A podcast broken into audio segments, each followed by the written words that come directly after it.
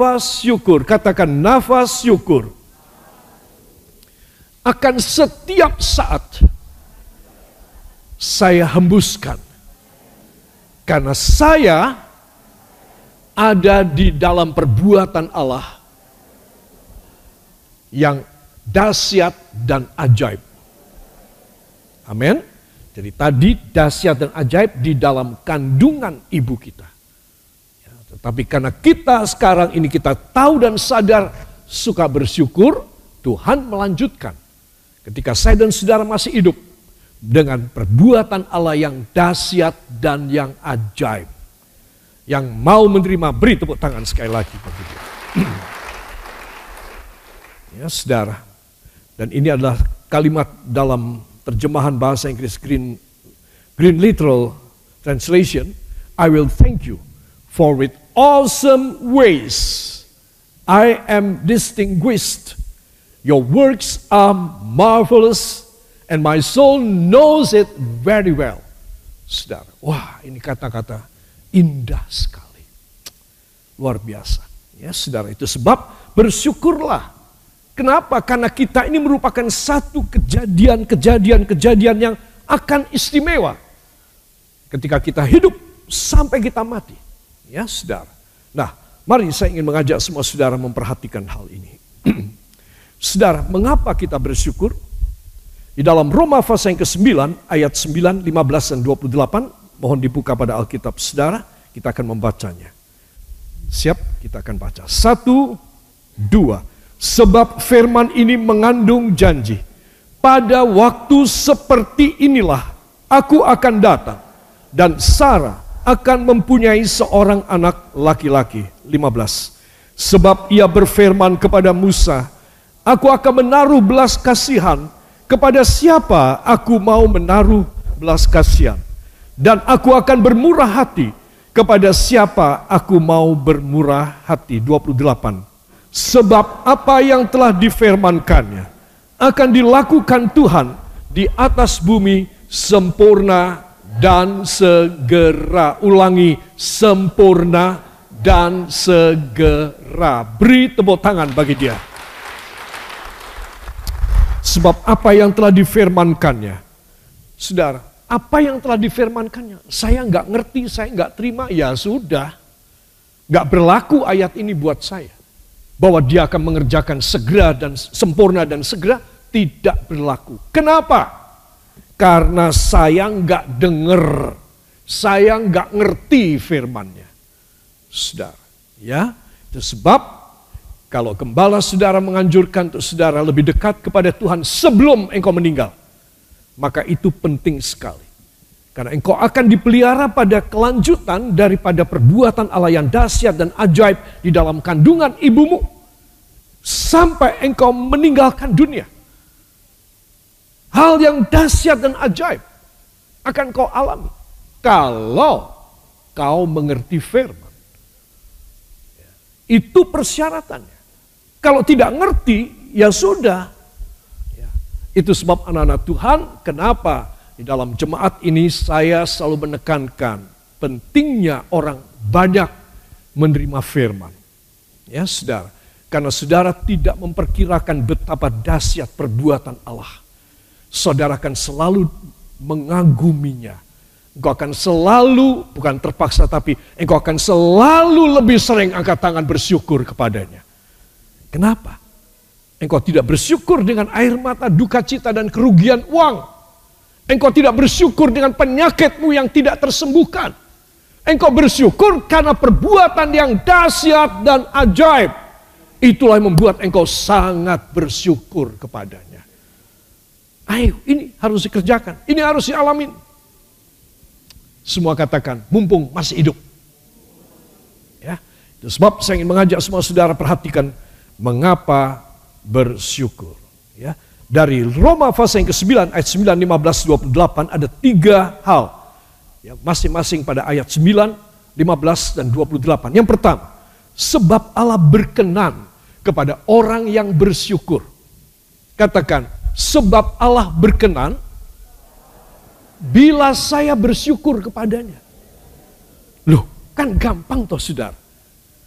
Saya mau tanya, kalau saudara bersyukur tuh berapa duit ongkosnya? Berapa biaya saudara bersyukur? Ada biaya apa tidak? Tidak ada biaya. Coba. Orang bodoh kan? Gak keluar duit, gak keluar biaya, gak mau. Padahal hasilnya dahsyat. Saya bilang goblok sekali. Itu sebab saudara harus tahu. Kenapa orang perlu bersyukur? Karena ini tidak bayar dan hasilnya dahsyat. Coba, saudara kalau nggak ngerti firman ini, saudara sampai mati saudara tidak akan bersyukur kepada Tuhan. Oke, itu sebab saudara harus suka mendengar firman.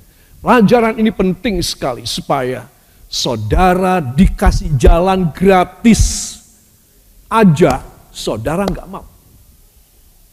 Ya, banyak orang setelah mengalami penyakit dan operasi yang dahsyat, yang besar, yang menyakitkan, yang gak karu-karuan, saudara, baru bisa belajar bersyukur kepada Tuhan.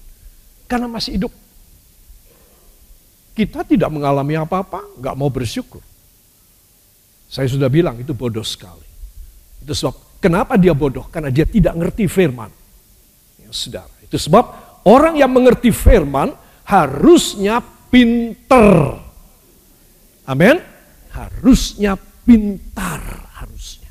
Walaupun secara akademis dia tidak belajar, dia tidak kuliah, dia tidak punya gelar, no problem. Dia mempunyai kepintaran dari Allah. Dan nanti saya akan singgung itu pada kalimat ya yaitu kata-kata intelek kepada Tuhan. Bersyukur itu adalah kata-kata intelek kepada Tuhan.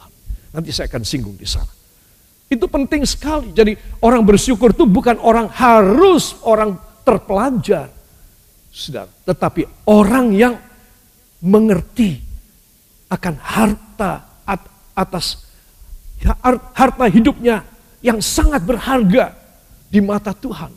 Jangan sejarah hidup saudara, hidup tetapi sengsara, tetapi miskin, tetapi gagal.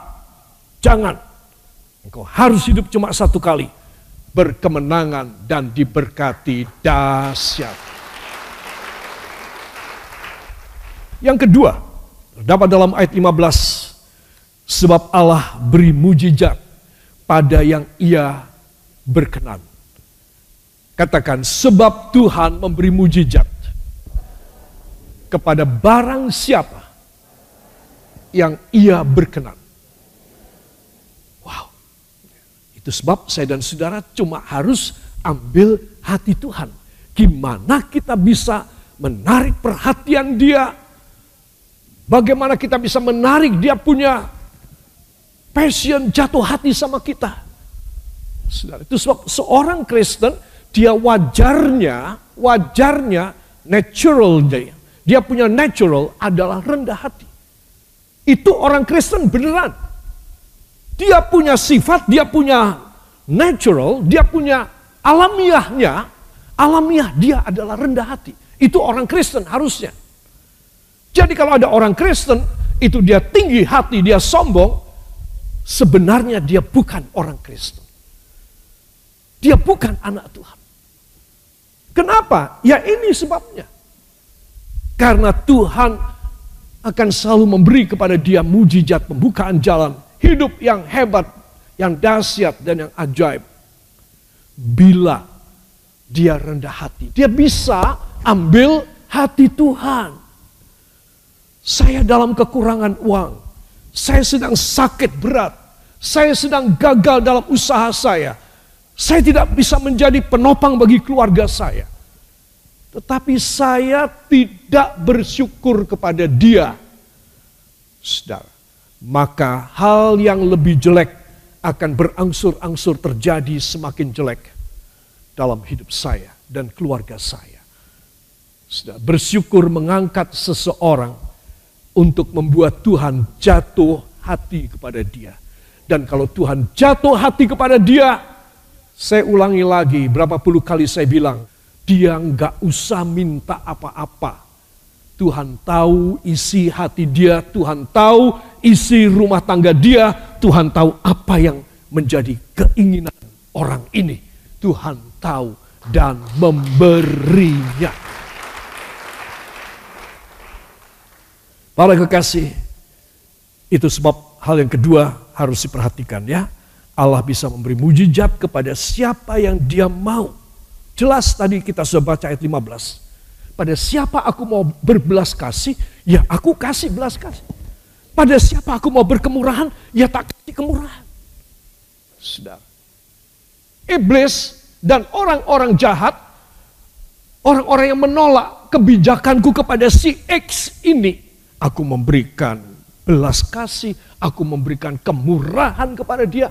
Orang-orang yang gak suka, aku akan singkirkan.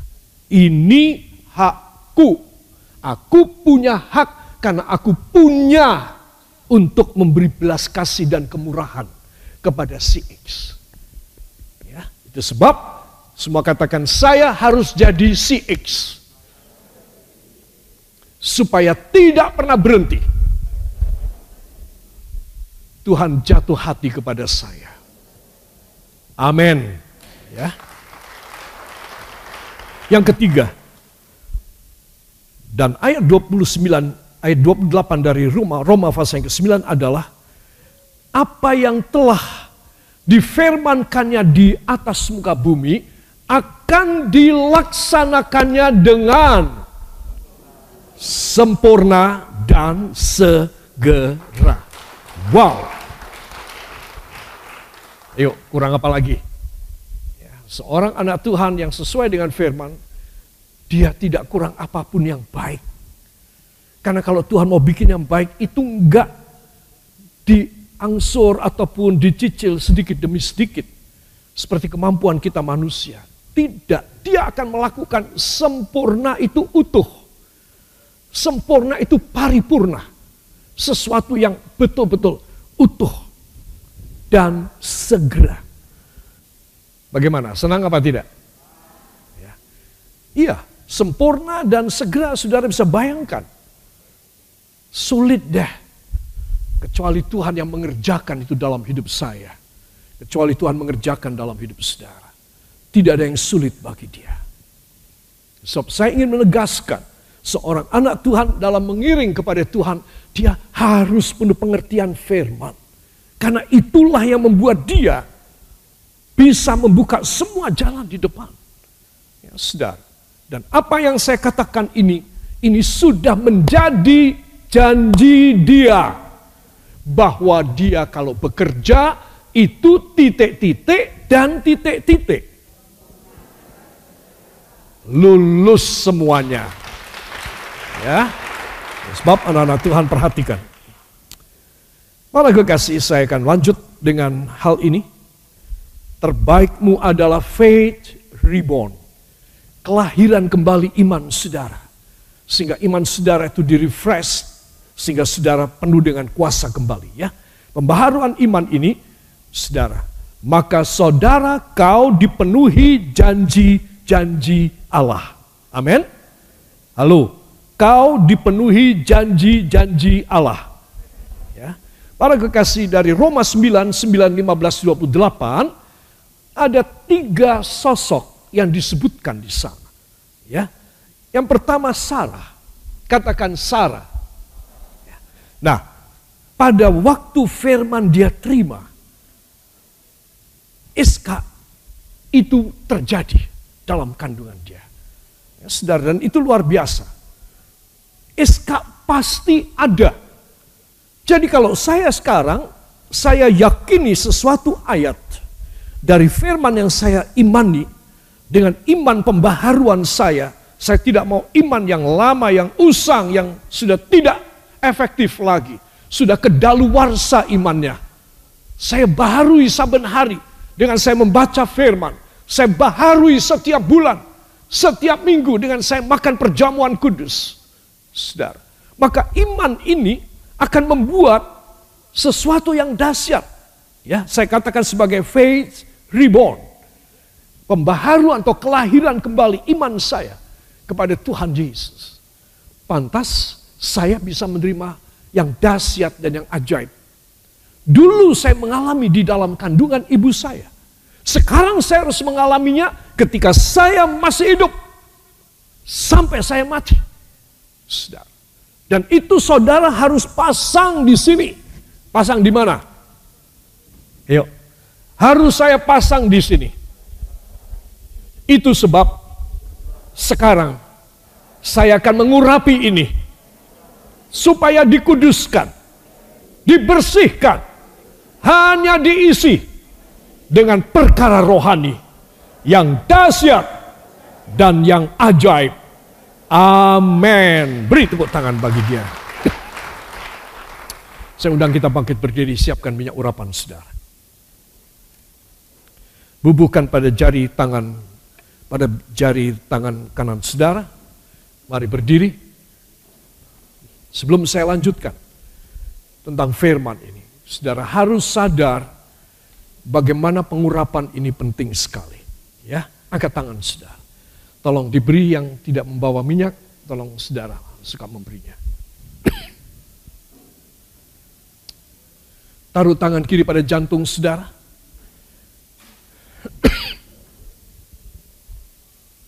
Mari berdoa. Ya Allah Roh Kudus, bantulah hamba karena firman yang luar biasa ini tidak mungkin hamba lakukan kecuali engkau mengurapi hamba. Maka engkau jatuh hati untuk melakukan bagi hamba dalam nama Yesus. Itu sebab layakkan hamba mengoles dahi kepala hamba dengan minyak urapan ini. Dalam nama Yesus. Silahkan ditumpangkan tangan dalam nama Yesus. Dalam nama Yesus Aku diurapi oleh kuasa Roh Kudus. Aku disucikan, dibaharui. Aku dilayakkan untuk menerima rencana Bapa yang dahsyat dan ajaib. Aku akan dipakai menjadi alat kebenaran, membawa jiwa-jiwa untuk diselamatkan kepada Tuhan Yesus. Aku dilayakkan, dipulihkan, diberkati, disembuhkan dalam nama Yesus. Angkat dua tangan saudara ucapkan terima kasih kepadanya. Terima kasih Bapa. Terima kasih Yesus. Terima kasih Roh Kudus. Beri tepuk tangan bagi dia. Hanya di dalam nama Tuhan Yesus Kristus. Juru selamat dan penebus kami. Dan kita semua mengaminkan. Amin. Beri tepuk tangan bagi dia. Tuhan memberkati silakan kembali. Para kekasih saya akan melanjutkan. Seseorang yang ada pengurapan dari roh kudus, maka dia akan mudah menangkap. Tapi kalau seseorang cuman dia pintar, dia cerdas, dia smart, tapi tidak ada urapan roh kudus, maka dia tidak bisa menangkap kehendak Allah. Katakan, sebab firman adalah perkara ilahi yang hanya bisa ditangkap bila saya memiliki Roh Kudus. Ya, Saudara. Jadi, ini rahasianya. Kenapa Yesus mengatakan orang-orang pintar dalam Jematius dia menegaskan orang-orang pintar dan orang-orang yang berpangkat, orang-orang yang mempunyai kedudukan tidak bisa mengerti kehendakku. Tetapi justru anak-anak bocah-bocah kecil yang tidak berpendidikan yang bisa menangkap kehendakku. Ya ini karena ini adalah perkara ilahi, perkara spiritual yang tidak bisa ditangkap dengan segala kemampuan pikiran manusia. Kecuali hati orang bisa menangkap. Kalau hatinya tertuju kepada firman, kepada roh kudus. Orang ini bisa klik dengan Tuhan. Orang ini bisa terjalin hubungan hotline dengan Tuhan. Itu sebab betapa pentingnya saudara satu, katakan saya harus setia. Satu, saya harus setia. Dua, saya harus banyak menangkap firman. Tiga, saya harus penuh pengurapan. Amin. Haleluya. Ya. Orang yang kedua yang disebut adalah dalam ayat 15 Musa. Ya, saudara. Terus Musa ini, saudara, dia adalah orang yang istimewa. Sebab ia berfirman kepada Musa, aku akan menaruh belas kasihan kepada siapa aku mau menaruh, menaruh belas kasihan. Dan aku akan bermurah hati kepada siapa aku mau bermurah hati. Musa menjadi satu model, profil orang yang betul-betul menerima kemurahan, belas kasih Allah dan kemurahan Allah. Ini Musa. Hebat ini orang. Karena dia menerima baik itu belas kasihan, katakan belas kasihan, dan kemurahan. Saudara sama ya kelihatannya. Agak beda. Belas kasihan Saudara. Belas kasihan itu ketika Musa mengalami sesuatu keadaan yang negatif atau kritis dalam hidupnya dan kepemimpinannya kepada orang-orang Israel, maka Tuhan melindungi dia dengan belas kasihan. Berapa kali dia mau dirajam oleh laki-laki Israel yang menyembunyikan batu di bawah di belakang punggungnya. Di depan bicara, di sini ada batu. Itu laki-laki Israel lakukan. Saudara. Lalu Tuhan berbelas kasih kepada dia. Saudara, berbelas kasih, diamankan. Musa dan Harun dipagari dengan pagar api, tembok api dari sorga. Itu berapa kali?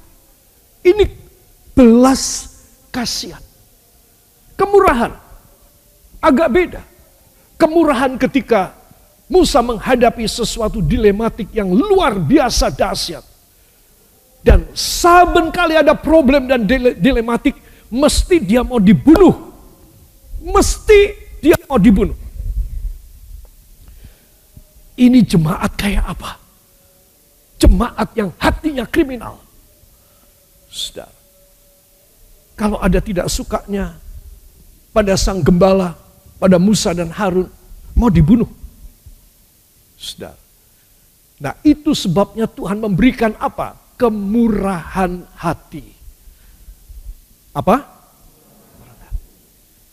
Berulang kali Tuhan menutup Musa dengan kemuliaan yang luar biasa.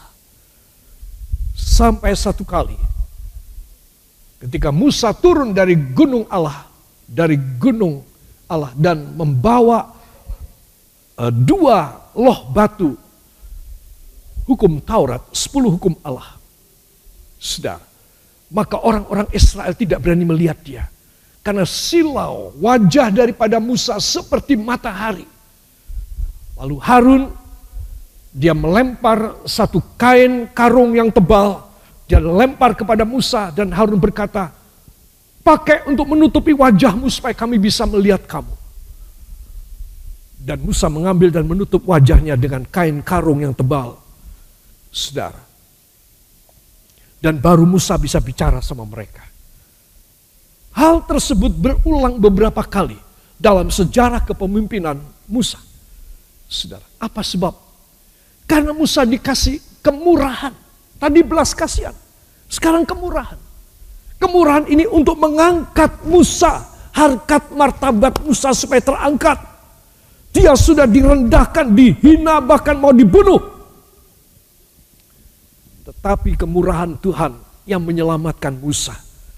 Jadi, kalau saudara dekat dengan Tuhan, hal pertama yang Tuhan bela saudara apa? BK. Apa? Belas kasihan. Ya. Hal yang kedua, kalau saudara dalam satu dilematika, dalam satu problematika yang hebat, apa yang Tuhan mau berikan kepada saudara? KMRHN. Kemurahan. Kemurahan hati Tuhan. Karena sudah nggak berdaya. Ribuan laki-laki mau merajam dia dengan batu. Coba bisa bayangkan. Saudara, siapa bisa menahan mereka? Amarah mereka. Dengki mereka. Saudara, haus darah mereka. Ini jemaat Tuhan Israel. Kayak begini modelnya. Kayak begini kualitasnya. Saudara. Jadi saudara mesti tahu kalau Tuhan tidak memberikan kepada Musa belas kasihan, katakan belas kasihan, dan kemurahan, niscaya Musa hancur. Ininya mana? Musa hancur. Ya. Tetapi karena belas kasih dan kemurahan Tuhan, wow, hebat sekali. Ya, sehingga Tuhan meraibkan dia. Tidak ada satu orang pun tahu di mana dia dikubur. Cuma memang dia tidak boleh masuk ke tanah Kanaan. Tidak boleh masuk ke tanah perjanjian, tidak berarti dia tidak boleh masuk ke sorga. Kalau dia dilarang masuk ke tanah Kanaan karena memberi pelajaran kepada semua umat untuk tidak berani-berani kepada Allah. Itu berarti juga ada kemungkinan Musa diangkat setelah dia mati di Gunung Nebo, Tuhan mengangkat dan menghidupkan dia masuk ke sorga. Amin. Yang percaya beri tepuk tangan bagi dia. Saya tulis di sini Musa belas kasih Allah tidak bisa diintervensi, itu hak Allah. Kalau dia mau bikin apa kepada saya, dia mau bikin apa kepada saudara, tidak ada satu orang boleh mengintervensi. Tidak ada. Kecuali Tuhan akan marah. Itu sebab saya perlu menegaskan pada saudara bahwa orang yang mempunyai faith reborn kelahiran kembali imannya disegarkan. Ya saudara, imannya direfresh kembali. Maka orang ini saudara akan menjadi satu orang yang istimewa di mata Tuhan. Di satu pihak Tuhan kasih peringatan dan warning kepada semua umat Israel untuk tidak berani-berani kepada dia. Contohnya ini, Musa tidak boleh masuk ke Kanaan. Sekali lagi saya bilang, tidak boleh masuk ke kanaan, tidak berarti tidak masuk ke sorga. Saudara, dan ini menjadi pelajaran bagi semua umat Israel istimewa. Ketua-ketua suku Israel. Ya, saudara. Orang ketiga siapa? Katakan saya. Orang ketiga siapa? Saya. Ya. Orang ketiga itu saudara. Orang ketiga itu saya. Ya. Kita harus tahu bahwa kita juga akan digerojok dengan kuasa dan berkat. Beri tepuk tangan bagi dia. Kenapa saya bilang kita? Ya saudara. Ya karena kita belajar dari firman dan kita tahu kejadiannya Sarah bagaimana. Firman yang diterima oleh Abraham dan Sarah setahun lagi aku akan datang ke sini dan Sarah telah menimang anakmu. Telah menggendong anakmu. Saudara. Nah itu berarti bahwa firman Tuhan pasti terjadi. Ya, walaupun membutuhkan waktu setahun. Tepatnya sembilan bulan sepuluh bulan. Sembilan bulan sepuluh hari. Ya, jadi di situ firman disampaikan, dan terjadilah.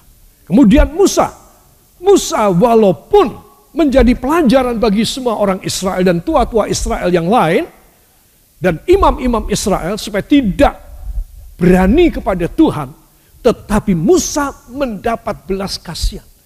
Aku mau berbelas kasih kepada siapa aku beri belas kasih. Dan aku mau berkemurahan kepada siapa aku mau kasih kemurahan. Saudara angkat dua tangan saudara dan terimalah berkat dari sorga. Sebab itu saudara turunlah di atas kepala saudara. Damai sejahtera dan anugerah yang turun dari takhta Allah Bapa, Allah Putra, Allah Roh Kudus, Allah yang Maha Esa dan Maha Tunggal adanya. Di dalam nama Tuhan Yesus Kristus. Memberkati rumah tangga dan mata pencaharian saudara. Berkat-berkat jasmani dan rohani. Terimalah damai dan sejahtera yang turun dari takhta Allah Bapa, Allah Putra, Allah Roh Kudus hanya di dalam nama Tuhan Yesus Kristus, juru selamat dalam penebus kami dan kita yang percaya diberkati mengaminkan. Amin. Beri tepuk tangan bagi dia.